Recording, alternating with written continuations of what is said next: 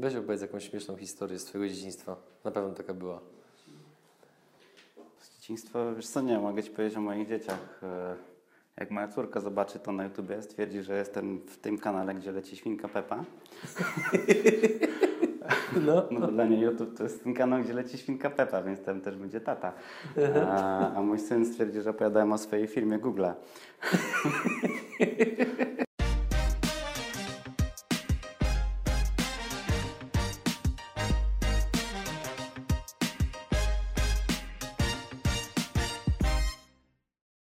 Cześć, nazywam się Adrian Gorzycki i witam Cię w piątym odcinku mojego vloga Przygody Przedsiębiorców. Moim gościem będzie Paweł Rabinek z firmy RedSeo. Jest to firma, która zajmuje się marketingiem internetowym ze szczególnym naciskiem na Google AdWords oraz Google Analytics. Podczas wywiadu dowiecie się m.in. na czym polega praca Pawła oraz jego zespołu, jakie są niuanse, jeżeli chodzi o marketing internetowy, na co zwrócić uwagę, na co należy uważać, czy lepiej robić taką kampanię AdWords samemu, może zlecić agencji. Będzie bardzo dużo ciekawych i przydatnych treści, a biorąc pod uwagę to, jak mocno rozwija się internet, myślę, że ten materiał będzie Wam szczególnie przydatny. Zapraszam do oglądania. Cześć Paweł. Cześć Adrian, witaj.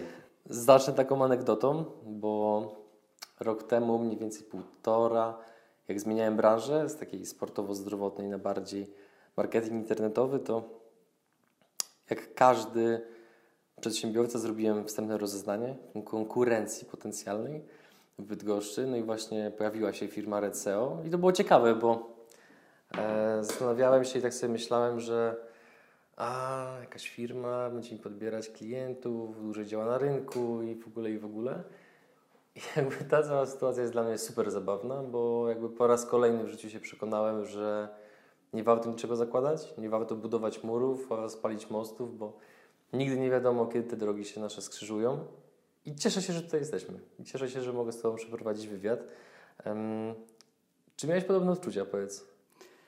E, tak, wiesz co, jak ja się dowiedziałem, e, że ty też zakładasz e, firmę, że będziemy robić coś chyba podobnego, przynajmniej takie było moje wyobrażenie, e, stwierdziłem, kurczę, następny, następny, z którym będzie trzeba jakoś tam rywalizować, e, ale ja już się przekonałem, że mm, nie zawsze firma, która wydaje się być konkurencją, jest tą konkurencją, bo często firmy z pozoru robią to samo, e, ale w jakimś tam zakresie się uzupełniają. Okej, to w takim razie powiedz nam tak w kilku zdaniach, czym tak w ogóle się zajmujesz? E, Ja na co dzień e, zajmuję się moją firmą, firmą RedSeo, e, gdzie specjalizujemy się w reklamach Google AdWords. To tak w dużym skrócie. Co to jest reklama Google AdWords? Co to jest reklama osób, Google? AdWords? Wiesz co, reklama Google AdWords to jest, to jest wiele rzeczy tak naprawdę. Natomiast przede wszystkim to jest reklama skierowana dla firm, dla sklepów, która jest po prostu w internecie w dużym skrócie. Czyli zajmujemy się reklamą internetową tak de facto. I to są te takie linki sponsorowane w wyszukiwarce, że jak wpisujemy jakąś frazę, tak, to one tam się wyświetlają jako pierwsze z takim małym dopiskiem, prawie niewidocznym reklama. Tak, to są między innymi te linki, e, natomiast e, to nie jest tylko to, e, bo reklama w Google AdWords to, jest, to są właśnie te linki w wyszukiwarce Google, ale to są też banery, to są też reklamy remarketingowe, czyli tak zwane śledzące. E, Jeżeli oglądałeś w jakimś sklepie internetowym buty, czy marynarkę, czy komputer, później przez następnych kilka dni ten baner z tymi butami, czy tam z tym komputerem gdzieś za tobą chodził, to jest właśnie remarketing.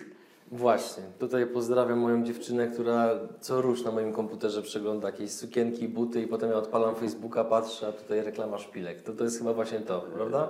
Tak, to jest dokładnie to, więc jak będziesz chciał kiedyś zrobić jej prezent, to musisz wyczyścić historię przeglądarki, żeby ona nie widziała, że oglądałeś e, jakieś, nie wiem, pierścionki czy, czy, czy tego typu rzeczy. Bardzo cenna, bardzo cenna. E, Kontynuując, to jeszcze, co, co to jest ta reklama Google? E, wszyscy znamy YouTube'a, e, bo tutaj też będziemy się sami publikować. YouTube też należy do Google'a. Mm, No i właśnie reklama na YouTubie, taka sponsorowana, to też jest element reklamy Google AdWords. Podobnie Gmail, najpopularniejsza poczta w zasadzie chyba na świecie. E, Tam też można umieścić reklamy Google, więc e, e, większość e, ludzi myśląc o reklamie właśnie w Google kojarzy to z wyszukiwarką Google, no bo to jest taka najpopularniejsza forma, natomiast jest to dosyć e, szerokie pojęcie tak naprawdę. Super. A tak dla zachowania chronologii, czy możesz nam powiedzieć, co robiłeś, zanim pojawiło się RedSeo? Zawodowo oczywiście? Jasne, że mogę powiedzieć. Ja zacząłem e, jakąś tam przygodę z pracą tak naprawdę już na studiach. No, zaczęło to się, jak, jak, jak w większości chyba przypadków takich firm e, jak moja, gdzieś tam ze stronami internetowymi. Tak, zacząłem robić strony. e, No, jakoś tam się zacząłem za, zaznajamiać z tym światem internetu. No, więc jakieś tam pierwsze zlecenia na strony, takie bardzo proste rzeczy. E, Natomiast później trafiłem już do agencji SEO. To tutaj Ci przerwę. Aha. Jak się wchodzi w branżę stron internetowych? Tak? No, tak, dla takiej osoby, która kompletnie nie ma pojęcia, chciałaby strony robić, bo słyszała, że na tym są powiedzmy to, że dobre pieniądze. Jak w to wejść? Ej, Ale jak w to wejść jako firma, która chce mieć stronę? czy Jako, firma, jako człowiek, który robić? chce się nauczyć robić te strony internetowe, żeby docelowo na przykład móc założyć firmę świadczącą takie usługi.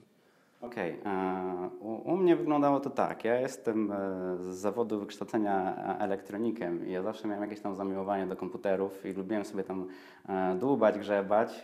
No jak się dowiedziałem, że jest coś takiego jak internet i że mogę się do niego podłączyć, to stwierdziłem, że muszę mieć tam swoją stronę, oczywiście. No więc pierwsza strona to była jakaś tam taka, wiesz, dla siebie samego, to, to wtedy jeszcze miałem chyba, to jeszcze chyba było w technikum, więc miałem naście lat, jak zacząłem się takimi rzeczami bawić.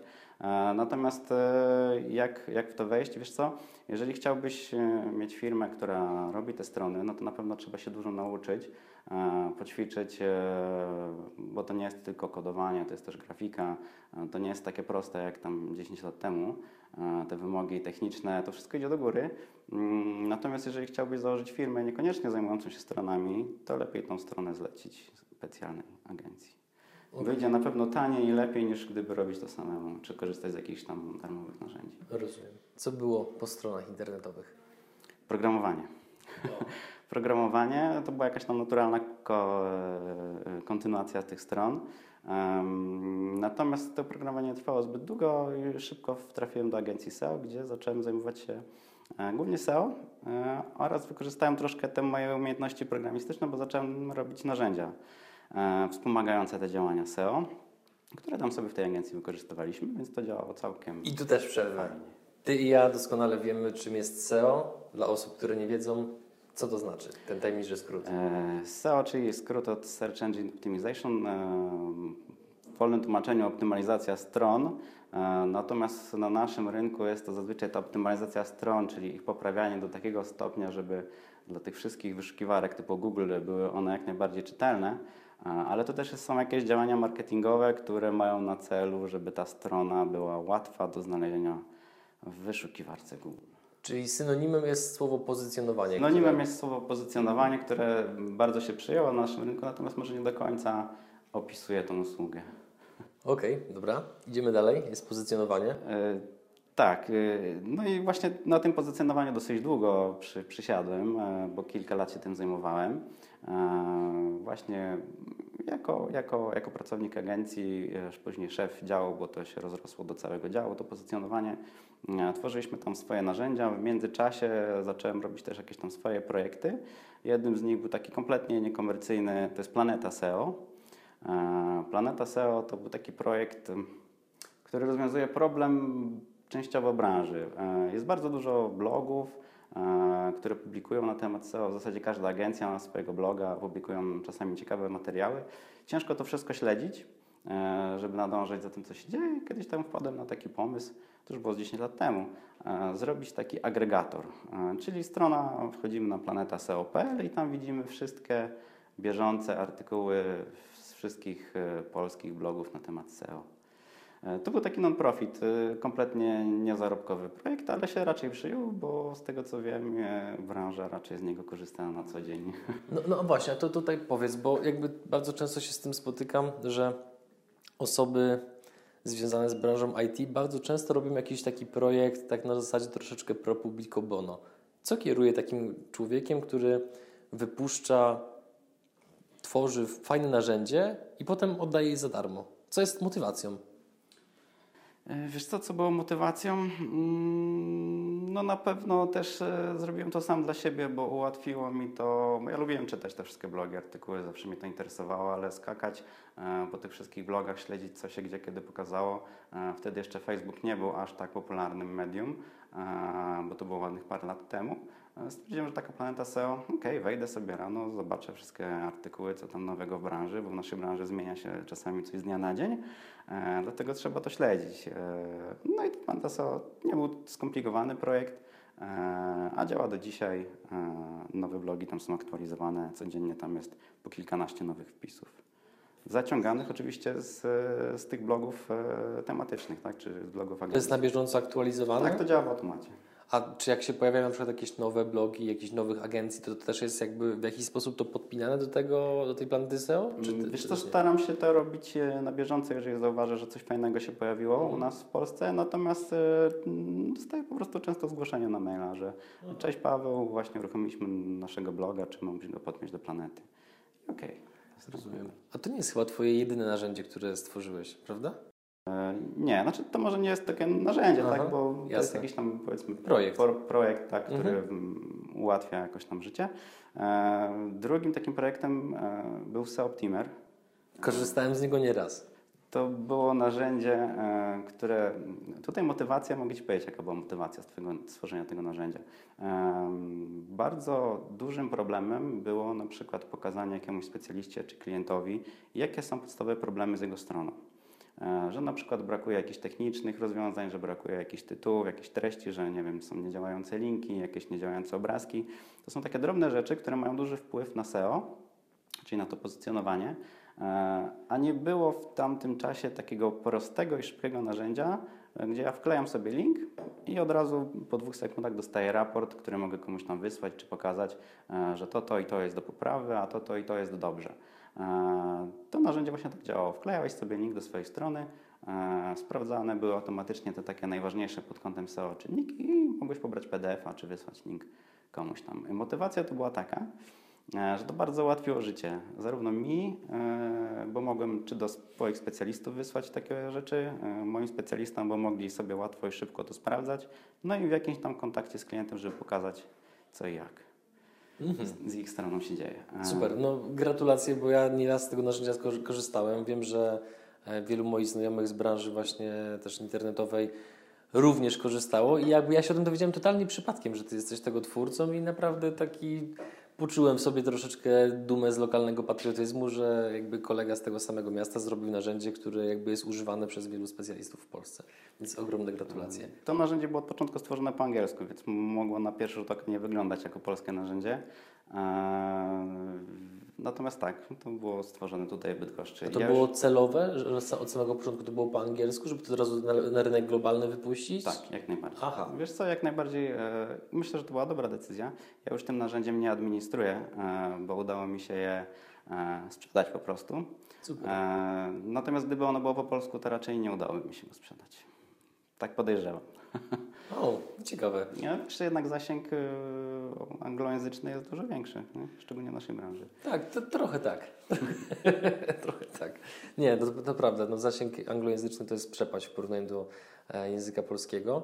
Mm, pozycjonowanie, planeta SEO, SEO Optimer, what next? E, Gdzieś tam w międzyczasie pojawił się jeszcze jeden projekt, który to była wtyczka do WordPressa. WordPress to jest taki system zarządzania treścią, wiele stron stoi właśnie na tym oprogramowaniu. E, Wtyczek do WordPressa jest cała masa, najróżniejszych. Ja stworzyłem taką w zasadzie prostą, ona się nazywa Simple Social Buttons, która dodaje e, pod, pod postem na naszym blogu dodaje e, link lubię to, tam tweet i udostępni na Google+. Takie, taka była pierwsza podstawowa funkcja, czyli te trzy guziczki Facebooka, Twittera i Google+. E, No i ta wtyczka oczywiście też była od początku zrobiona po angielsku e, i trochę się nie spodziewałem, że e, w najlepszym chyba momencie było ponad 50 tysięcy aktywnych instalacji tej wtyczki. No więc proszę. całkiem sporo. Trochę mnie to przerosło, bo zaczęły się pojawiać zapytania o support, jakieś zmiany i tak dalej, i tak. Nie spodziewałem się, że, że, że to jest taka siła w, w tej platformie WordPressa. E, Natomiast tutaj szczęśliwie też udało mi się znaleźć osobę, która jest w stanie pociągnąć ten projekt dalej. No a bo, powiem Ci tak, ja jestem zaskoczony. Wydawało mi się, że się przygotowałem do tego wywiadu i trochę o Tobie wiem, e, jednak e, zaskakuje się dość pozytywnie i jakby mam takie pytanko trochę z, z innej strony. No bo trzy projekty, trzy, można powiedzieć, sukcesy. Czy były jakieś projekty, gdzie absolutnie minąłeś się z oczekiwaniami rynku i jakby no ten projekt był zwyczajnie niedopasowany, że się po prostu nie powiódł. Były takie? Czy tylko same success story? E, wiesz co, to ciężko powiedzieć, że to był jakieś tam success story, tak? E, jakimś tam większym sukcesem to był właśnie ten Subteamer, tak? Bo udało mi się e, znaleźć firmę, która jest w stanie to ode mnie wykupić i pociągnąć to dalej. Obecnie to narzędzie jest już w zupełnie nowej wersji, kompletnie nie przypomina tej poprzedniej e, wersji. Po prostu pociągnęli dalej ten temat. Em, więcej projektów chyba nie było. Czyli trzy projekty i trzy udane. No bo każdy z nich jakby no też z tego co sprawdzałem, no to przynajmniej te, wie- wiedziałem o tych pierwszych dwóch. O tym trzecim nie wiedziałem. E, No i z tego co ty mówisz, no to każdy z nich przyjął się dość dobrze. Mam nadzieję, że tak. Natomiast dla mnie takim projektem numer jeden to jest agencja, rozwój tej agencji. Tamte były a, tak trochę z wolnego czasu, tak trochę dla własnej ambicji. E, też nie miałem wtedy jeszcze e, rodziny, więc jak się nie ma dzieci, to się ma sporo czasu e, i można sobie takie projekty rozwijać. Natomiast e, teraz takim projektem numer jeden jest agencja. Czyli to, co robisz obecnie, tak? Słuchamy. E, a co byś chciał wiedzieć?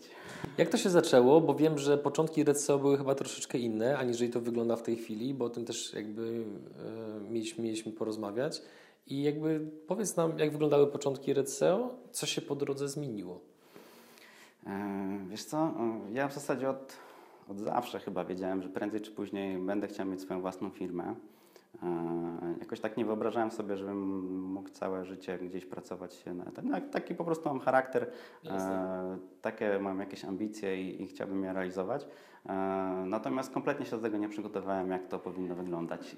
I założyłem firmę tak na hura. E, Bo miałem wyobrażenie, że jak założę firmę, no to już będę bogaty i w ogóle będzie ekstra. będę miał samych naj, najfajniejszych, dużych klientów i, i ogólnie będzie ekstra. E, Natomiast nie przewidziałem kompletnie, jak wygląda szara rzeczywistość prowadzenia firmy. E, Może nie miałem, wiesz, jakichś takich wzorców, gdzie mógłbym to podejrzeć, jak to faktycznie wygląda z tą firmą. Więc tutaj były jakieś tam problemy, ale no właśnie na tym polega moja praca, żeby, żeby, żeby prowadzić tą agencję. Czyli na początku byłeś jakby takim, można powiedzieć, samozatrudnionym, tak? Że osobiście wykonywałeś wszystkie zlecenia i w ogóle, bo teraz wiem, że masz zespół. Tak, wiesz co, ja firmę założyłem jako jednoosobowa firma. E, drugi raz już bym tego nigdy więcej nie zrobił. Dlaczego? E, zaraz Ci o tym opowiem. Dobra. E, I prowadziłem firmę samodzielnie jako jeden człowiek przez dwa lata. Mm, I to nie, nie jest dobre rozwiązanie, e, bo jednoosobowa firma nie jest w stanie zbyt dużo zrobić tak naprawdę. E, I szybko doszedłem do wniosku, że ja nie mam żadnej firmy, żadnego biznesu, tylko zrobiłem sam sobie miejsce pracy. Nie, a to nie jest biznes, bo biznes jest wtedy, kiedy on zaczyna działać bez Twojego udziału lub z ograniczonym Twoim udziałem. Natomiast jeżeli jesteś w firmie jednoosobowej, odpowiadasz za wszystko, to to nie jest biznes, tylko to jest miejsce pracy. Okej. Eee, No i dopiero po dwóch latach e, pojawi, zaczął się pojawiać jakiś tam zalążek zespołu. Eee, Pierwszy pracownik Mariusz, który z nami oczywiście do dzisiaj siedzi tutaj za ścianą e, i robi najlepsze kampanie AdWords. Wiadomo. Co było trudnego w przejściu między e, byciem, stworzeniem sobie miejsca pracy, a potem zarządzaniem całym zespołem? E, Wiesz co? Wszystko było trudne tak naprawdę, e, bo zupełnie nie zdawałem sobie sprawy, jak ważne mogą być na przykład sprzedaż. W ogóle nie brałem tego pod uwagę. Wiem, że to jest absurdalne, jak ktoś, kto prowadzi firmę, to teraz się ze mnie śmieje, ale e, ja nie mając żadnego doświadczenia stwierdziłem, że po co mi sprzedaż, przecież klienci sami do mnie przyjdą. No i owszem, jakaś tam część przychodziła, Tak. natomiast nie tak wygląda sprzedaż. Troszeczkę inaczej chyba. Tak, bo za sprzedażą idą tak, e, oferty, e, umowy, to trzeba wszystko uzgodnić, przemyśleć, przeliczyć przede wszystkim w Excelu, e, dogadać umowę z prawnikami, jak ta umowa powinna wyglądać, jak w ogóle powinien wyglądać model współpracy z klientem, e, co my tak naprawdę chcemy robić, a czego nie chcemy robić, bo na początku w zasadzie podejmowałem się każdego zlecenia, jakie przyszło i to była kompletna porażka czasami. No i wiesz co, yy, na pewno też jakie były problemy. Mm, Nie zdawałem sobie sprawy, ile jest biurokracji, mm, papierologii tak zwanej. E, Tutaj na szczęście mi pomogła żona, która jest księgową, za co bardziej dziękuję po- pomaga mi prowadzić ten biznes. E, No i co jeszcze? E, No i oczywiście zarządzanie zespołem. To było coś, czego też nie przewidziałem, że, że wystąpi. I że to, jest, że to nie jest takie łatwe, tak? że, e, że zarządzanie ludźmi jest, to jest to, ciężka sprawa, w sensie trudno. Wróćmy jeszcze do samego początku, bo jakby branża internetowa, szeroko rozumiana, rozwija się niezwykle dynamicznie. No to jest taki jakby wręcz chyba wręcz truizm, który, z którym myślę, że każdy się zgodzi. Natomiast powiedz mi, jakie, kiedy zaczynałeś swoją przygodę z marketingiem internetowym, to jakie były początkowo największe trudności, żeby w ogóle do tej branży wejść? Łatwo jest się jakby odnaleźć w świecie Google AdWords, Google Analytics i w ogóle, czy, czy też nie? Co było najtrudniejsze na początku? Wiesz co, z technicznego punktu widzenia, z samej świadczenia tej usługi nie miałem jakichś tam większych problemów, bo ja jestem osobą techniczną, więc e, z tym nie miałem problemu. Większy problem miałem z tą stroną biznesową.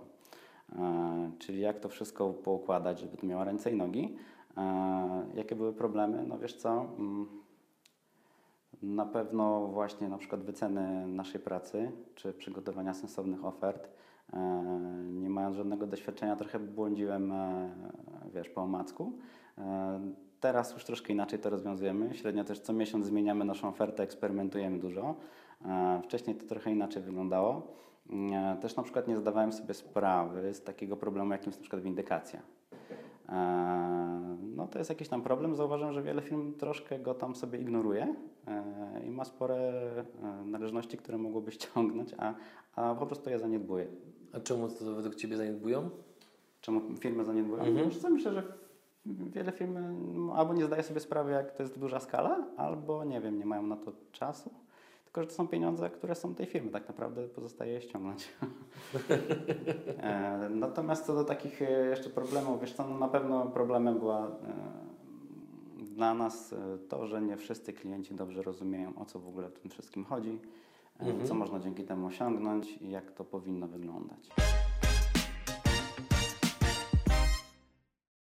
Przechodząc płynnie do kolejnego pytania, bo już poruszyłeś ten wątek, co Twoje usługi dają klientom? Tylko wytłumacz to tak, żeby to zrozumiała osoba, która nie ma kompletnie pojęcia o marketingu internetowym i jednocześnie proszę powiedz nam, czego klienci nie rozumieją w Twoich usługach.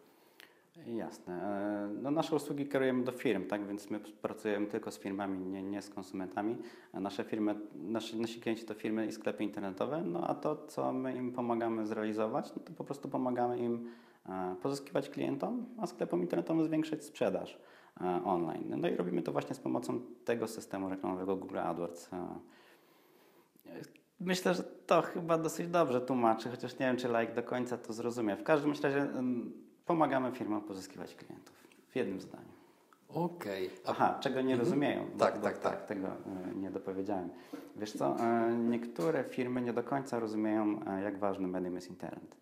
Są firmy, które mają świetnie dopracowane, nie wiem, katalogi papierowe, cały marketing taki offline'owy, mają super biura, super, nie wiem, jakieś tam rozwinięte procedury, wszystko firma jest na tip-top, natomiast internet kompletnie kuleje jest traktowany tak po macoszemu, czyli strona jest jakaś tam na kolanie zrobiona, jak to się mówi, e, nie można tej firmy nigdzie znaleźć, albo ma trzy opinie na krzyż, to negatywne, nikt się tym nigdy nie zajął. Po prostu w internecie wygląda na dużo gorszą niż jest w rzeczywistości. To, to jest jakiś tam problem jeszcze, myślę, który e, w Polsce troszeczkę coraz mniejszy, ale jeszcze trochę pokutuje. Czy mógłbyś nam jeszcze powiedzieć kilka słów o Google Analytics? Czym jest, po co, warto, nie warto? Czy firmy z tego korzystają, czy nie korzystają? E, jasne, wiesz co, Google Analytics to jest takie narzędzie, które instalujemy na naszej stronie, w dużym skrócie. Dzięki niemu wiemy, ile osób odwiedza naszą stronę, skąd oni przyszli, co robili e, i czy zrobili to, co byśmy chcieli, czyli na przykład czy wysłali formularz, albo czy złożyli zamówienie w sklepie internetowym. Mm, są firmy, które jak najbardziej są świadome, po co to jest i do czego to używać, natomiast e, Mm, większość firm chyba niestety właśnie nie, do, nie za bardzo docenia to narzędzie. E, ja może powiem tak. Mm, strona internetowa dla firmy to jest dodatkowy pracownik. To jest taki handlowiec, który działa 24 godziny na dobę, nie choruje, nie bierze urlopów i jest dostępny właśnie cały czas. E, więc ten handlowiec, tak, zawsze handlowcowi dają wizytówki, tak, auto, telefon, super e, dodatki, żeby jak najlepiej reprezentował firmę, więc ta strona też powinna jak najlepiej reprezentować firmę. A jak mierzyć jej skuteczność? No właśnie tym narzędziem Google Analytics. W ten sposób mierzymy tego naszego online'owego handlowca, e, czyli patrzymy jak on sprzedaje usługi naszej firmy. Ja rozumiem, że usługi Google Analytics również świadczycie w RCO. Tak, myślę, że to jest nierozerwalne od reklamy w Google AdWords, e, bo Google AdWords to jest reklama, natomiast Google Analytics to jest mierzenie efektów tej reklamy. E, dla nas jest to nierozerwalne i, i świadczymy to kompleksie. Cieszę się, że to powiedziałeś, bo to tylko pokazuje, na jak wysokim stopniu profesjonalizmu jesteście, ponieważ użyłeś słów, że to jest nierozerwalne, natomiast zakładam, że spotkałeś się, ja na pewno, przynajmniej z kilkoma specjalistami od Google AdWords, którzy Google Analytics za bardzo nie używają, nie konfigurują i w ogóle nie wiem w jaki sposób wtedy świadczą tą usługę, ale no, każda branża ma gdzieś tam powiedzmy jakichś swoich specjalistów, którzy nie do końca ogarniają po prostu tak jak należy. Idąc dalej, jaki, nie wiem czy o nim już powiedziałeś, ale i tak to pytanie zadam, jaki jest Twój dotychczasowy największy sukces zawodowy? Wiesz co, myślę, że Mógłbym tutaj powiedzieć, że e, rok temu zadzwoniła do mnie opiekunka z Google, większość agencji ma jakieś tam swoich opiekunów ze strony Google. No i mówi, słuchaj Paweł, e, rusza taki program Google Partners Rising Stars. E, no i widzę, że Wy tam rośniecie 100% rok do roku i chcielibyście do, przystąpić do tego, do tego programu. To był taki projekt szkoleniowy Google kierowany do agencji. Tam było 20 parę agencji. E, wybranych właśnie wśród tych najszybciej rosnących, e, minimum 100% year over year, year over year. I to było w drugim roku działania firmy, dwa miesiące po tym, jak zatrudniłem pierwszego specjalistę. E, więc w zasadzie no, prawie do jednoosobowej jeszcze firmy praktycznie. Zaprosili nas do tego programu. To był taki dziewięciomiesięczny zestaw takich spotkań, kursów, warsztatów, szkoleń. E, przygotowaliśmy tam też e, nowe oferty, bo to był też biznesplan przygotowany pod to. Taki, taki MBA w skrócie jakby, tak, no, zrealizowany przez Google. E, więc to, że w ogóle nas tam zaprosili, to było dla mnie jakieś tam wyróżnienie. Takim drugim jakby większym sukcesem, z którego ja jestem osobiście zadowolony, mm, to jest to, że dostaliśmy od Google status partnera premium. E, ponieważ większość firm, które świadczy usługi tak jak nasze, czyli reklamy w AdWords, jest partnerem Google'a, natomiast są też partnerzy premium. E, I to są firmy, które świadczą te usługi na troszeczkę wyższym poziomie, ale mają też większe doświadczenie. E, jest to też udokumentowane historią firmy, no i łącznymi wydatkami, jaki, jaki, jakimi obsługujemy naszych klientów. Więc ten status Google Premium no, troszeczkę nam dał kopa. Też w Google bo byli ludzie dosyć zdziwieni, że jak my Wtedy już byliśmy w trzy osoby. Jak my daliśmy radę w trzy osoby osiągnąć status Google Premium, e, gdzie no, takich małych agencji chyba jest jeszcze jedna, która jest taka mała jak my i ma też status Google Premium. Zresztą są duże agencje, e, po kilkadziesiąt osób czy po kilkanaście osób, więc e, no, jestem z tego zadowolony, że tak udało nam się dojść do tego statusu. Jakby zakładam, że odpowiedź może jest trochę oczywista, tak? No bo chcę zapytać, no dobrze, ale jak to zrobiłeś, że w trzy osoby macie taki status? Zakładam, że to jest po prostu ciężka praca i praca wysokiej jakości, ale czy możesz powiedzieć coś więcej od siebie? Co zrobiliście, że to się udało w trzy osoby? E, wiesz co, w ramach tego programu szkoleniowego Rising Stars, o którym wcześniej mówiłem, e, tam sporo się dowiedziałem o tym, jak powinna wyglądać sprzedaż w firmie i obsługa klienta, e, czyli te dwie rzeczy, o których nie miałem zielonego pojęcia, jak zakładałem firmę. No i zaczęliśmy sprzedawać.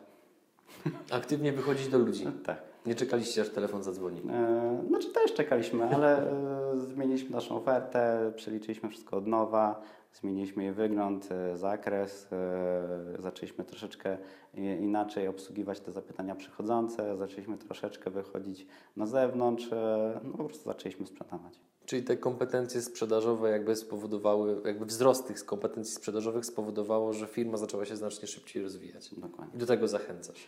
E, no tak. Kompetencje sprzedażowe rozwijać, bo jakby wiesz, to jest, sprzedaż w naszym kraju jest dość mocno tak pejoratywnie nacechowana, nie? że tak się wiesz, kojarzy z jakimś gościem, który wciska, który namawia i w ogóle, a tak no chyba tak nie jest, prawda? No bo to raczej powinniśmy sprzedaż postrzegać jako to, że swoją pracą chcemy po prostu komuś jakby no wyświadczyć dobrej jakości usługę, żeby ta osoba również skorzystała. Mm, Jak najbardziej. No, u nas tak gdzieś 80% e, nowych klientów to są klienci, którzy przyszli do nas. Więc my aż tak dużo tej sprzedaży wychodzącej nie, nie robimy. Mm, Natomiast e, gdy klient przychodzi z zapytaniem, to od zapytania do podjęcia współpracy jest jeszcze daleka droga. E, No i często też klient e, wysyła to zapytanie do kilku agencji, tak? No i e, trzeba jakoś to wszystko poukładać, nawiązać relacje z tym klientem, poznać jego potrzeby i zrobić dobrą ofertę, żeby to, żeby to się udało po prostu. To dla zachowania równowagi. Co było największą porażką? Jakie wnioski z niej wyciągnąłeś? Wiesz co, takiej jakiejś spektakularnej porażki to jeszcze nie miałem, to jeszcze przede mną czeka. Mam nadzieję, że jak, naj, jak najpóźniej. E, kiedyś na pewno jakaś porażka się pojawi. Natomiast e, taką porażką, której mógłbym powiedzieć, to jest na pewno zwlekanie z decyzjami. To Ta prokrastynacja, tak? E, No Tak może, może też nie? prokrastynacja, czy jakieś tam odwlekanie decyzji, czy e, zazwyczaj zauważam tak, problem e, zaczyna rosnąć, gdy jest sam. E, Gdy się nim nie zajmiemy, to on sobie ładnie rośnie, przeciwnie do do kwiatów na przykład, które szybko usychają. Problemy rosną. Gdy szybko nie podejmiesz jakiejś decyzji, no to ten problem będzie narastał. Takim na przykład problemem ze zwlekaniem z decyzją jest to, że na przykład pierwszą osobę zatrudniłem dopiero po dwóch latach prowadzenia firmy. Powinienem był to zrobić od razu, w miarę od razu. A z czego to wynikało, że zwlekałeś? Wiesz co, myślałem, że nie jest to aż tak niezbędne. Eee, Myślałem, że wiąże się to, nie wiem, z jakimiś zbyt wielkimi kosztami, czy że, że nie wiem, w sumie to nie wiem, co ja sobie myślałem tak naprawdę teraz z perspektywy czasu. Eee, Na pewno, gdybym e, szybciej zaczął to robić, zaczął budować zespół od razu od początku, to pewnie bylibyśmy już trochę dalej. Mhm. A pozostając w temacie cieniów biznesu, z jakimi e, rozczarowaniami musiałeś się zmierzyć w swojej drodze zawodowej? No bo jakby porażki, powiedzmy, to są takie, takie powiedziałbym, te nieprzyjemne kamienie milowe, że to się wydarzyło, zostały wyciągnięte wnioski i w ogóle, natomiast jakby no z mojej perspektywy życie przedsiębiorcy to jest no jakby właśnie ta umiejętność też radzenia sobie z rozczarowaniami, które się dzieją dość często, że aż czasami się po prostu odechciewa. Czy u Ciebie było, było podobnie, albo z jakimi rozczarowaniami Ty musiałeś się zmierzyć? Wiesz co, takim czar- rozczarowaniem, którego też może nie przewidziałem na początku, to są tacy e, czasami niefajni klienci, którzy skaczą sobie z agencji na agencję. E, To znaczy przychodzi klient, wszystko jest fajnie, e, jest u nas nie wiem, miesiąc, dwa, trzy i później leci do następnej agencji, bo dostaje jakiś bonus, bo dostaje jakieś tam, nie wiem, gratisy czy, czy o złotówkę tańszą ofertę. E, I nie wynika to może z tego, że te agencje źle robią, tylko po prostu niektórzy klienci mają takie podejście, e, że po prostu tak będą skakać, bo ktoś dostanie e, o złotówkę lepszą ofertę, e, tańszą, tak, o złotówkę i od razu to jest dla niego e, taki myk, że, że on odejdzie. E, Też e, są e, kupony na Google AdWords. Agencje takimi kuponami dla nowych klientów e, dysponują i są klienci, którzy skaczą co miesiąc do innej agencji i chcą wykorzystać ten darmowy kupon. Troszeczkę nie przewidziałem tego, też nasza umowa nas nie zabezpieczała w odpowiedni dobry sposób e, i to było dla mnie jakimś tam rozczarowaniem, że może niewiele tych klientów było, ale pojawiali się tacy klienci, którzy tylko przyszli po to, żeby odebrać kupon, posiedzieć miesiąc i odejść. To były takie dość nieprzyjemne E, sytuacje. tak, tak. No jednak staramy się zacząć budować te relacje z klientem. To wszystko fajnie się układa i dla nas, i dla klienta, jeżeli ta relacja jest jakaś pozytywna i współpraca ma jakąś nie dłuższy wymiar czasowy, to się opłaca też klientom po prostu. No bo tak jakby, mm, to tak dopowiem troszeczkę od siebie, bo też Google AdWords w pewien sposób polega na tym, że wy e, w pewien sposób uczycie się biznesu klienta, wy optymalizujecie te kampanie na bieżąco, wyszukujecie te najbardziej wartościowe frazy, słowa kluczowe i ten proces trwa, tak? On jak z tego, e, co kiedyś rozmawiałem, właśnie też byłem na szkoleniu i z tego miejsca też pozdrawiam Macieja Lewińskiego, to właśnie on jakby o tym, o tym opowiadał między innymi, że to jakby kampania Google AdWords nie jest tak, że się ją raz ustawia i ona po prostu działa już po wsze czasy, tylko ją na bieżąco trzeba gdzieś tam modyfikować, dopracowywać i tak naprawdę taki klient, który idzie gdzieś tam za złotówką taniej w jedno czy w drugie miejsce, on sobie tak naprawdę sam robi krzywdę. No bo nie może, nigdy nie doświadczy pełnego jakby potencjału, który agencja mogłaby mu dać, świadcząc dla niego usługi Google AdWords. Mm, Dokładnie tak, z Tobą się zgodzę. E, Google AdWords wydaje się z pozoru, że ustawimy sobie to raz, e, no i później to sobie już będzie działało.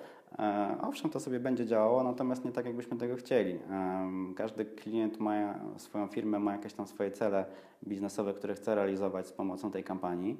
Mm, Taka kampania puszczona raz i zostawiona sama sobie, ona szybko się rozjedzie, szybko zacznie generować koszty niepotrzebne e, i przestanie służyć temu klientowi. E, No i tak jak mówisz, nowy klient e, to jest poznanie tego biznesu, czym ten klient się zajmuje.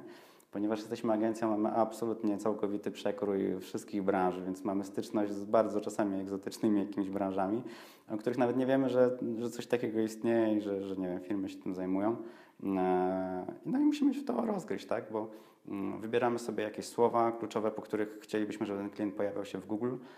Czasami się okaże, że nie wszystkie są takie, jakby, nie wszystkie odpowiadają temu biznesowi. Więc trzeba to zmieniać, trzeba to operować. Tak naprawdę praca w AdWords to jest ciągła praca nad tą kampanią. To wymaga jednak e, ciągłego siedzenia przy tym, przy tym panelu, klikania, zmian, optymalizacji. Co obecnie jest dla Ciebie największym wyzwaniem zawodowym? E, Takim krótkoterminowym, czy takim Jednym i drugim, krótko i długo. Co, e, krótkoterminowym to na pewno na przyszły rok kolejny wzrost 100% rok do roku. E, 100% lub- lub więcej. To jest, to jest cel e, na 2018. E, Natomiast taki mój cel prywatny w perspektywie gdzieś tam, nie wiem, 5-10 lat, już dokładnie tu nie definiuję, bo e, nigdy nie wiadomo, co życie przyniesie, to jest e, móc doprowadzić agencję do tego stanu, żeby mogła działać z moim minimalnym udziałem. Co to znaczy? To znaczy, żebym ja nie był aż tak niezbędny, żebym nie musiał e, robić pracy bieżącej, która blokowałaby działanie agencji. Czyli żeby firma mogła działać, e, obsłużyć klienta od początku do końca, niekoniecznie z moim bezpośrednim udziałem w tym. My jesteśmy teraz bardzo małą firmą, więc e, ja swoje macki muszę wszędzie w- wtykać. Natomiast e, jeżeli mm, firma ma się rozwijać, e, no to ten szef tej firmy nie może robić tego wszystkiego sam, no bo nie jest w stanie. Firma nie urośnie nigdy. Będę jej naj, najgorszym ogniwem, najsłabszym, jeżeli będę robił wszystko. Tak, jesteśmy właśnie już przy budowaniu zespołu. To w jaki sposób dobierasz ludzi do pracy? Co, jakie kryteria bądź jakie cechy charakteru musi mieć człowiek, aby móc pracować w Red SEO Pawła Rabinka? Wiesz co, Bydgoszcz jest dosyć trudnym rynkiem pracy, e, bo ciężko tutaj znaleźć e, specjalistów. Nie ma też może dużej konkurencji, więc po prostu nie ma zbyt wielu ludzi o tych kompetencjach już jakoś tam wyćwiczonych, e, rozpoznanych. Mm, Więc trzeba, trzeba chyba bazować na raczej świeżych ludziach, w sensie e, nie z branży jeszcze. E, No i tutaj na pewno taką podstawową ich kompetencją jest chęć nauki i rozwoju. E, Na pewno troszeczkę umysł ścisły tutaj musi się pojawić, bo jednak w AdWordsie jest dużo cyferek, dużo wykresów, dużo tabelek, więc trzeba wiedzieć, jak to wszystko interpretować. No, trzeba mieć troszeczkę taki techniczno-inżynierski zmysł, E, chociaż też trzeba to pogodzić z jakąś tam fantazją w kreacji choćby reklam, w pisaniu tekstów reklamowych i tak dalej. Czy wiek ma znaczenie, wykształcenie w tej branży? Myślę, że nie. Czyli przede wszystkim to nastawienie, jeżeli chodzi o chęć do nauki, tak? Myślę, że chęć do nauki i do rozwoju, bo AdWords, zresztą tak jak inne rzeczy związane z internetem, rozwijają się tak szybko. E, Nie wiem, średnio co miesiąc coś nowego się pojawia w AdWordsie, jakieś nowe formaty reklam, nowe narzędzia i tak dalej. Trzeba być na bieżąco, żeby to utrzymywać. To teraz opowiedz nam właśnie, w jaki sposób się uczysz, jakby jak aktualizujesz swoje kompetencje, właśnie biorąc pod uwagę to, że no jesteś w branży takiej, która no chyba jest jedną z najbardziej dynamicznie rozwijających się w ogóle ze wszystkich innych. E, Jak ja się rozwijam. Wiesz co, można to podzielić na dwie rzeczy. Wiedza techniczna i z wiedzą techniczną nie ma żadnego problemu. Jest dostępna wszędzie, jest cała masa szkoleń, e, kursów, e, książek, czasopism branżowych. E, Prenumerujemy wszystkie marketingowe czasopisma. Z wiedzą techniczną nie ma żadnego problemu. Można ją po prostu nabyć, nauczyć się tego. Większym problemem jest jakaś tam wiedza biznesowa. Jak to wszystko prowadzić z punktu widzenia firmy. No i oczywiście też są jakieś kursy, tak, szkolenia, też są książki, cała masa książek na ten temat. Em, Natomiast ja jestem takim trochę samoukiem i lubię też dużo eksperymentować. Tak jak nam wcześniej wspomniałem, e, średnio co miesiąc zmieniamy naszą ofertę. E, W ten sposób też eksperymentuję, co działa, co nie działa. E, Staram się, staram się, wiesz co, jeżeli widzę, że coś nie działa, staram się to możliwie jak najszybciej zmienić, żeby nie walić głową w mur i się zastanawiać, czemu ten mur ciągle stoi. Powiedziałeś o książkach. Też tutaj w tle widzimy, że to zakładam, to jest część Twojej kolekcji. Trzy najlepsze książki biznesowe, jakie przeczytałeś. Jakie i co one Ci dały? E, Wiesz co, pierwsze to będzie taki banał. To będzie chyba w ogóle pierwsza książka taka nietechniczna, którą sobie przeczytałem, taka związana z jakimś tam rozwojem czy biznesem. E, To będzie banał, to będzie Zjedz tą żabę Brian Tracy. Czytałem. E, Mówię banał, no bo teraz z perspektywy czasu wydaje mi się ta książka jakoś tam banalna. Natomiast to była moja pierwsza książka i ona bardzo mi pomogła zapanować nad chaosem dnia. E, Wcześniej to wyglądało tak, że przychodzę do pracy i- w sumie milion jest jakichś zadań. Nie wiadomo, które są ważne, które są nieważne i realizowałem je po prostu jak leci, czując, wiesz, jakiś tam wewnętrzny stres, napięcie, że jest cała masa rzeczy do zrobienia. To mi tam troszeczkę pomogło zorganizować siebie, jakąś tam dyscyplinę narzucić i jakoś tam e, sensownie działać. E, Natomiast kolejne książki Briana już nawiązują wszystkie do tego samego, więc e, nie były już no, tak ciekawe jak ta pierwsza, którą wziąłem. Mm, Wiesz co, z takich innych ciekawych propozycji to może coś polskiego. E, Good i Haman. Praca szef, nie, szef to zawód. Jest taka książka, która ładnie opisuje z polskich realiów, jak to jest być szefem, jak sobie radzić z tymi problemami, jakie ma szef. E, I druga jest książka Handlowanie to gra e, o sprzedaży. A to tą książkę chyba nawet dostałem i wydaje mi się, że mam ją na półce, ale jeszcze jej nie przeczytałem. Czyli rozumiem, że rekomendujesz bardzo, żeby ją przeczytać. Tak, to jest e, polska książka, więc nawiązuje do polskich realiów. Wiadomo, że te książki z Ameryki są takie trochę amerykańskie, jakby to powiedzieć. Amerykańscy naukowcy, no tak. Tak. Natomiast e, Gut i Haman, polska książka napisana przez. No, na podstawie jakichś tam polskich doświadczeń. Wiadomo, nasz rynek jest taki trochę specyficzny, rozwija się od 25 lat, wcześniej mieliśmy wiadomo, co mieliśmy, e, więc nie wygląda u nas to wszystko tak samo jak w Stanach, trochę jest inna mentalność, e, no i warto też chyba zahaczyć o te polskie książki. Jaki wpływ na Twój biznes ma działanie w Bydgoszczy? Czy gdybyś mieszkał w większym mieście, to sukcesy byłyby większe? Czy w Twojej lokali- branży lokalizacja absolutnie nie ma znaczenia? Mm, Ja nie widzę jakiegoś specjalnego związku między lokalizacją a tym, jak firma sobie radzi czy nie. E, Bydgoszcz jest takim miastem powiedzmy średniej wielkości. E, Nie widzę tutaj jakiegoś problemu. Jedyny problem, jaki widzę w Bydgoszczy, no to jest może to, że jest kiepsko z biurami. E, Żeby znaleźć jakieś takie fajne, większe biuro, no to jest problem. No się budują nowe, tak, wiesz, na pewno się budują nowe wieżowce, biurowce w naszym mieście, ale ciężko jest znaleźć jakieś dobre biuro, nie ma jakichś takich biznes linków, tego typu rzeczy u nas w mieście. E, Natomiast to, czy prowadzenie biznesu z Bydgoszczy, czy w ogóle z jakiegokolwiek innego mniejszego miasta, chyba nie ma, nie ma to większego znaczenia. Pytam dlatego, bo jakby kilkukrotnie spotkałem się podczas ro- rozmów z różnymi osobami, że jakby mieszkając w mieście takim jak Bydgoszcz ma się trochę mniejsze możliwości niż na przykład mieszkając w Warszawie czy w Krakowie i jakby w przypadku niektórych branż to może być prawda, natomiast jakby wydaje mi się i też to w sumie potwierdziłeś, że działając w biznesie internetowym ta lokalizacja nie ma absolutnie żadnego znaczenia, no bo jeżeli mm, agencja osiąga dobre wyniki, to równie dobrze może obsługiwać klienta z Rzeszowa i też się wszystko będzie zgadzać? Myślę, że tak. Wiesz co, jedynie może gdyby chodziło tutaj o Warszawę, no to tam może ten rynek wygląda trochę inaczej na tle naszego kraju. Masz dostęp do większych zasobów e, specjalistów i też łatwiej się spotkać z większym klientem. Mówię, jednak firmy duże mają siedzibę gdzieś tam w Warszawie, Mm, ale jakoś nie widzę z tym większego problemu. Są też inne agencje, które radzą sobie świetnie i naprawdę są w jakichś małych miejscowościach, aż szok. Mniejszych niż Bydgoszcz, tak? Tak, tak. Okej. Teraz przeczytam Ci najdłuższe pytanie, jakie mam ze wszystkich. Zaczynamy. W każdej branży można trafić na ludzi, którzy ją psują, świadczą usługi niskiej jakości, osłabiając tym samym wizerunek, wizerunek danej branży. W jaki sposób klient, nie mający pojęcia o dziedzinie, jaką się zajmujesz, może samodzielnie zweryfikować, czy specjalista, z którym rozmawia, jest rzeczywiście solidny? Jakie są niuanse w tej branży? Co byś podpowiedział klientom, aby byli jak najbardziej bezpieczni? Dobre pytanie. Mm, Natomiast jakby na nie odpowiedzieć. Branża internetowa tak naprawdę to jest taka sama branża jak każda inna. E, jeżeli szukasz sobie wykonawcy, agencji, która poprowadzi Twoje kampanie AdWords, to myślę, że kryteria wyboru takiej firmy są takie same, jakbyś szukał jakiegokolwiek innego dostawcy w jakiejkolwiek innej branży. Czyli tak, czy firma jest wiarygodna, e, to znaczy, czy ma w ogóle jakiś adres, czy ma jakieś biuro, czy tam w ogóle pracują jacyś ludzie, e, czy firma ma jakieś referencje, od kiedy jest na rynku. Takie kompletnie, myślę, absolutnie podstawowe rzeczy, bo często też ludzie szukając e, firmy od marketingu internetowego mają albo jakieś takie wyobrażenie, że to jest jakiś tam czarodziej internetu, który gdzieś tam e, hakuje nie wiadomo co.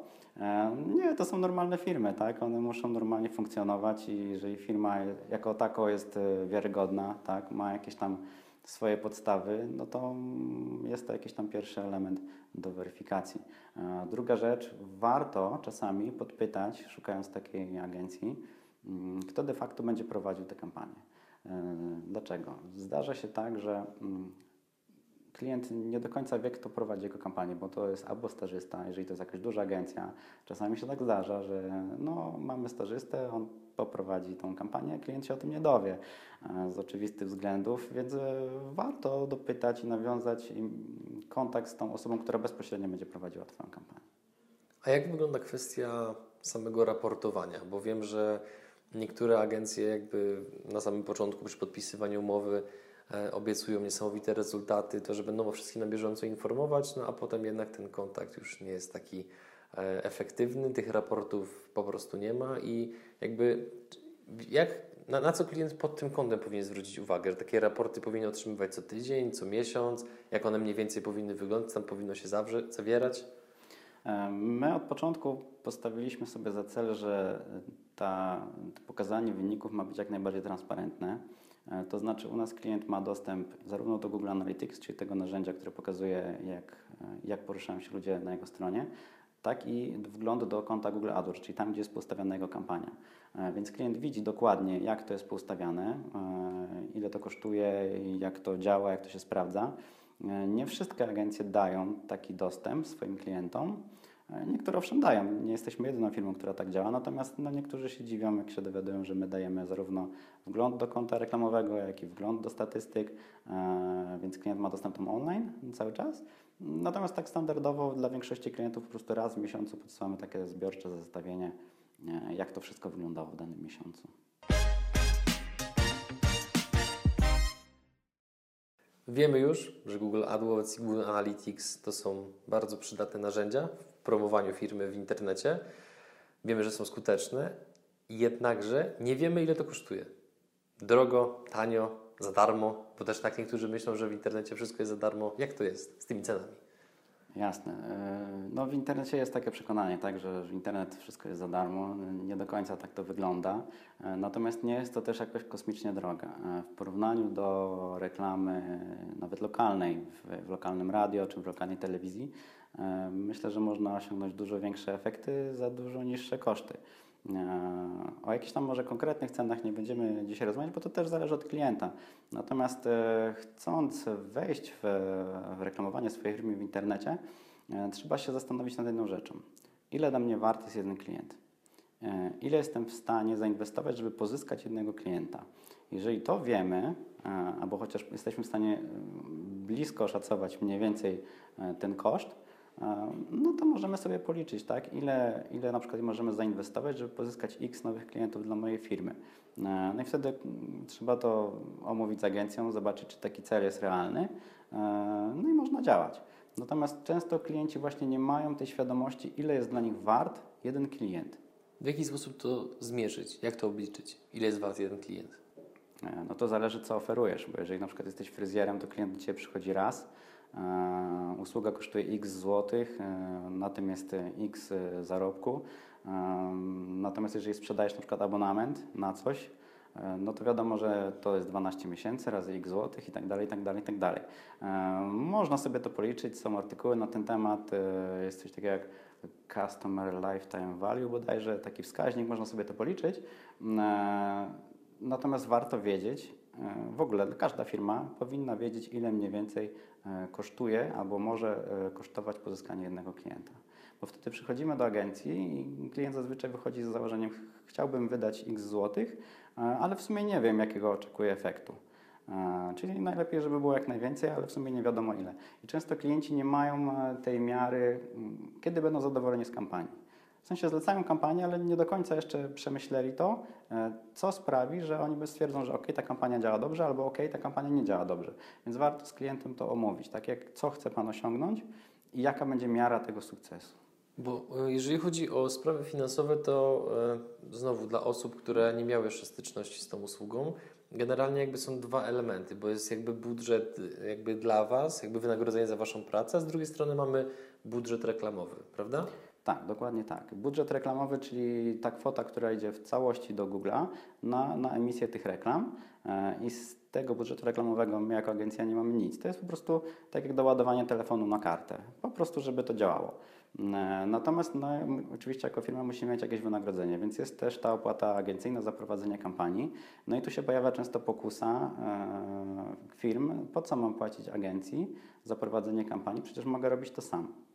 E, No i owszem, można robić to samemu, bo uruchomienie kampanii w takim absolutnie podstawowym poziomie nie jest aż tak bardzo skomplikowane. Natomiast e, często gęsto jest tak, że klient próbował robić sam i później przychodzi do agencji, bo wie, że zmarnował wystarczająco dużo pieniędzy. Słyszałem takie historie. Tak, i czas coś z tym zrobić. No, agencje AdWordsowe czy jakiekolwiek inne e, działają tak samo jak inne firmy. Czy księgowość opłaca się nam na przykład robić u siebie samemu, czy bardziej opłaca się e, zatrudnić e, biuro rachunkowe, które nas odciąży, zrobi to lepiej, szybciej i na pewno taniej niż gdybyśmy robili to samodzielnie. Czy w Twojej branży jest jeszcze miejsce na nowe podmioty? Czy też nie ma? Czy jest może już zbyt ciasno? Jasne, że jest. E, Jakieś tam badania, już teraz nie powołam się na konkretne źródło, e, podawały, że coś około połowy firm jeszcze w ogóle nie istnieje w internecie. W sensie albo nie ma swojej strony nawet, albo jeszcze aktywnie się tam nie reklamuje. Więc ja myślę, że ten tort jest... Badania dotyczyły Polski, czy jakiegoś regionu Wiesz większego? nie pamiętam, gdzie na to natknąłem. To chyba tyczyło się Europy ogólnie. E, Nie pamiętam źródła, więc ci nie podam. E, Wiem, że to może mało wiarygodnie brzmi, e, ale gdzieś tam na takie dane trafiłem. No więc ten tort jest jeszcze niepodzielony, tak? Jest jeszcze bardzo dużo firm, które mogłyby tutaj spokojnie działać. Bo, bo w sumie na samym początku mówiłeś, jakie kompetencje musi mieć osoba, żeby jakby wchodzić w tę branżę, więc jakby do tego już nie będziemy wracać. Natomiast jakby mam jeszcze pytanie z troszeczkę innej strony, no bo Google AdWords no to jest ściągnięcie klienta na naszą stronę internetową. I czy mógłbyś ze swojego doświadczenia jakby dać kilka takich wskazówek, co wpływa na wiarygodność i jednocześnie na atrakcyjność strony internetowej? No bo jeżeli ściągniemy klienta, a strona jest odpychająca, niedziałająca, nieaktualna, no to klient raczej nam nie zaufa, prawda? Co na tej stronie powinno być, żeby było w porządku? Jasne. Gdzieś tam wcześniej wspominałem, że ta strona to jest taki handlowiec firmy, tak? Tak. Teraz wyobraźmy sobie sytuację, w której masz super reklamę, widzisz gdzieś tam reklamę firmy, przychodzisz, a tam jest pan handlowiec w brudnym swetrze, z takimi okularami, z plastrem tutaj, z długopisem i, i tak nie za bardzo jest zainteresowany e, rozmową z tobą, tak? Taki handlowiec. Więc jeżeli ta strona jest właśnie takim jakimś tam flejowatym handlowcem, e, działa wolno, jest brzydka, nie ma tam podstawowych informacji o firmie, choćby adresu czy godzin otwarcia, numerów telefonów, takich absolutnie podstawowych informacji, to to klientów odpycha, tak? Bo to, ego, co to w ogóle jest, jakaś firma krzak, nie wiadomo co to jest, nic tam nie kupię. E, Więc e, sama strona powinna być jak najbardziej ok. To jest wizytówka. Czy chciałbyś mieć brzydką wizytówkę? No nie, wiadomo. E, Czy chciałbyś mieć tego handlowca w wytartym swetrze brudnym? No nie. Więc ta strona musi być e, naprawdę atrakcyjna i wizualnie, treściowo i technicznie musi być jak najbardziej sprawna. Czy każda firma powinna prowadzić bloga? Bo jest na nie teraz kolosalna moda. E, Znaczy moda, a z drugiej strony jakby w pewien sposób też nawet konieczność, no bo jakby Google bardzo mocno premiuje strony, które dodają na bieżąco content, czyli treści wysokiej jakości. Ale wracam do pytania, czy każda firma powinna mieć bloga, czy też może nie? Nie. Okej. E, Dlaczego? Dlaczego nie? E, oczywiście fajnie jest mieć bloga, natomiast jeżeli ten blog miałby być prowadzony bez pomysłu, e, to lepiej sobie to Czyli tak na siłę, tak? Tak. E, Można prowadzić bloga czy Facebooka, bo to ty- też, tyczy się też mediów społecznościowych. Jeżeli ktoś ma fajny pomysł, to nawet w najbardziej nudnej branży może coś fajnego wymyśleć. E, I to będzie zrobione albo, nie wiem, albo śmiesznie, albo jakoś w formie jakichś super ciekawych poradników. E, Natomiast jeżeli nie mamy pomysłu, to lepiej sobie chyba to odpuścić. Bez sensu zrobić rzeczy, które nie dają żadnego efektu. Niektórzy ludzie mają swoich idoli, autorytety, których poczynania śledzą i na których się wzorują. Czy są jacyś ludzie w Twojej branży, których cenisz w szczególny sposób, uczysz się od nich i inspirujesz ich działaniami? No na pewno jest parę takich osób, które tam sobie gdzieś podglądam, patrzę co robią, jak osiągają sukcesy. Eee, może zachowam dla siebie kto konkretnie, e, ale nawiążę jeszcze do tego programu szkoleniowego Google Rising Stars, który Mhm. był w zeszłym roku. Jak mówiłem Ci, tam było około 20 agencji z całej Polski. E, No 100% konkurencji, tak? Natomiast spotykaliśmy się średnio raz czy dwa razy w miesiącu na jakichś tam warsztatach, wykładach e, z konkurencyjnymi firmami i przekonałem się, jak fajni to są ludzie. Mają dokładnie te same problemy, co my. Rozwiązujemy każdy na inny sposób, więc naprawdę fajnie jest się spotkać ze swoją konkurencją na takich e, zupełnie luźnych e, warunkach, e, bo naprawdę dużo się można od, nauczyć od, od, od własnych konkurentów. Dobrze jest mieć też z nimi dobre relacje, jak najbardziej. Mhm. Tak jak Ci mówiłem, rynek jest mocno niezagospodarowany, więc można dobrze żyć z innymi agencjami.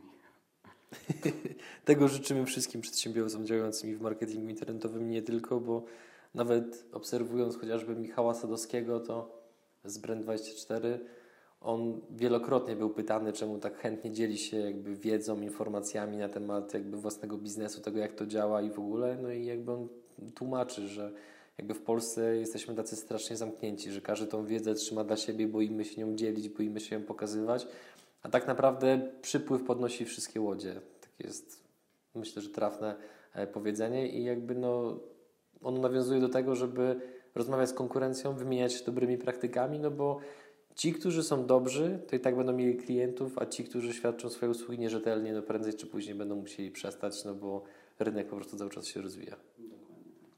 Powiedz mi, bo już troszeczkę tych y, błędów, które popełniłeś na samym początku, wymieniłeś, ale z Twojej perspektywy, jaki jest największy błąd początkujących przedsiębiorców i jak się przed nim uchronić?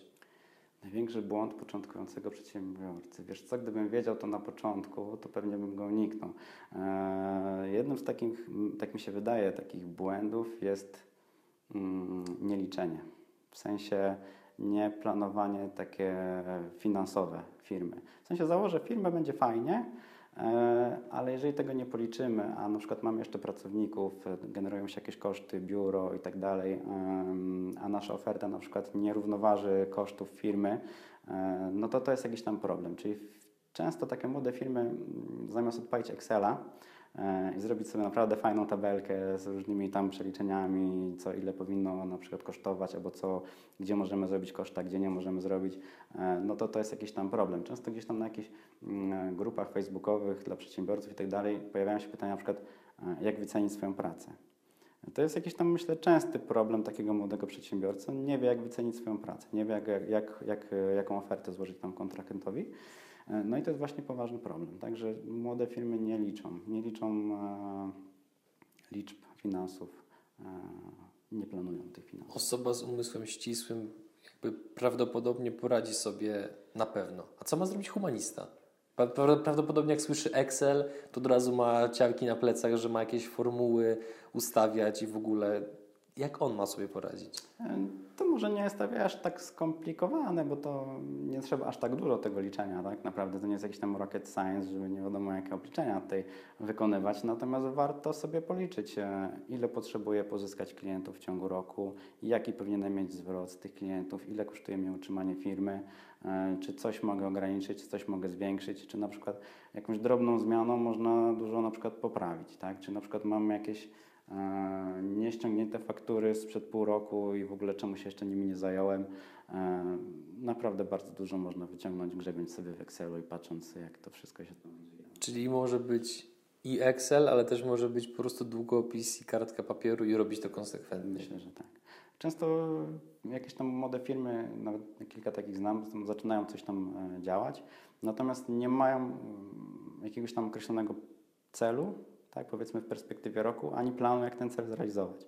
E, No i wtedy się zaczyna takie kręcenie w kółko, tak? czyli firma jakoś tam sobie żyje, e, ma się lepiej lub gorzej, natomiast nie idzie w jakimś tam konkretnym kierunku. I to myślę, że jest problem takich początkujących firm. I na koniec, jakie jest motto biznesowe ulubione Pawła Robinka? motto biznesowe. Mm, Jeżeli oczekujesz jakiejś takiej wyniosłej odpowiedzi, Może być prosta albo śmieszna. jakiegoś mądrego motto, to może nie. Wiesz co, oglądałeś film Chłopaki nie płaczą? Tak. To tam był taki koleś, się nazywał Bolec. I Bolec miał takie motto, Coco Jumbo i do przodu. Dzięki za rozmowę, Paweł. Czyli cały czas trzeba ciągnąć do przodu, robić swoje. Dziękuję za rozmowę. Jeszcze raz dziękuję Ci za zaproszenie. Dzięki.